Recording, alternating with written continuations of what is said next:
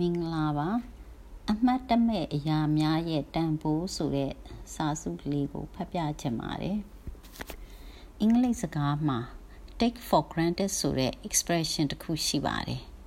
take something for granted ဆိုလို့ရှိရင်တစုံတစ်ခုကိုလွယ်လွယ်ကူကူနဲ့ရနေတဲ့အတွက်အလေးမထားတာတန်ဖိုးမထားတာကိုဆိုလိုပါတယ်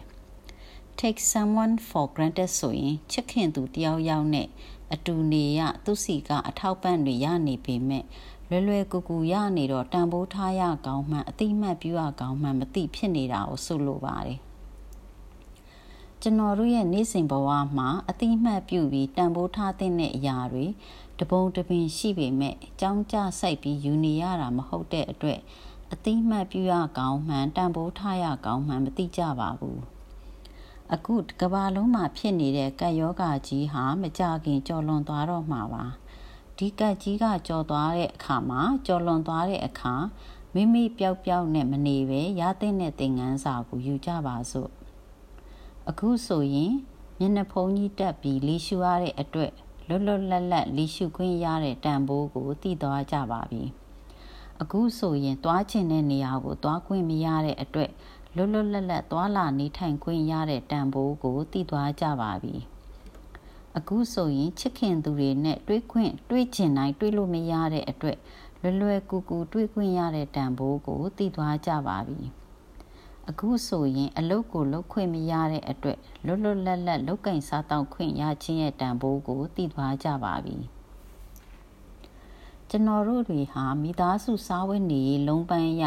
အပြင်းပန်းရုပ်ထုတွေနောက်လိုက်ရနဲ့မိမိတို့အနားမှာရှိနေတဲ့အနှစ်သာရတွေကိုမေ့နေတတ်ကြပါတယ်အလွယ်တကူရနေတဲ့အတွက်အတိမတ်မပြုမိတာတွေတန်ဖိုးထားရကောင်းမှမသိတာတွေကျွန်တော်တို့အနားမှာတပုံတပင်ရှိပါတယ်တချို့ဆိုရင်မိဘတွေနဲ့အမြဲအတူနေခွင့်ရနေတော့ထူပြီးပြုစုရကောင်းမှမသိကြပါဘူး တချို့ဆိုရင်ခင်မွန်းတဲ့နဲ့ဇနီးမယားကြားမှာတယောက်ကျေးဇူးကိုတယောက်ထုတ်ဖော်ပြောဖို့မေ့နေကြပါတယ်တချို့ဆိုရင်ညီကိုမောင်နှမတွေအနီးကပ်နေခွင့်ရတဲ့အတွက်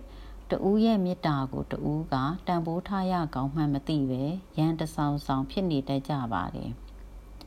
အပြင်းမန်းရုပ်ဝတ္ထုတွေနောက်ကိုလိုက်ရင်းနဲ့ကျွန်တော်တို့နှလုံးသားတွေဟာမာကြောလာပြီး အနီးအနားကရတဲ့အနှစ်သာရတွေနဲ့ဝေးတဲ့ဝေးနေတာကို တွေ့မြင်နေရပါတယ်။အခုလိုအခါခွင့်သိတဲ့အခါမှာသင်ငန်းစာယူပြီးပြင်သင့်တာလေးတွေပြင်မိမိရဲ့နှလုံးသားကိုနူးညံ့အောင်ကြိုးစားနိုင်ရင်ဒီယောဂပိုကတ်ကြီးကြော်လွန်တာနဲ့အရာရာဟာအရင်ကထက်အစာပေါင်းများစွာตาရလှပနေမယ်ဆိုတာသိကြလွန်လှပါတော့တယ်။အားလုံးကျမ်းမာချမ်းသာကြပါစေ။ မေတ္တာရည်၍မောင်တင်စွန်ကနေဒါ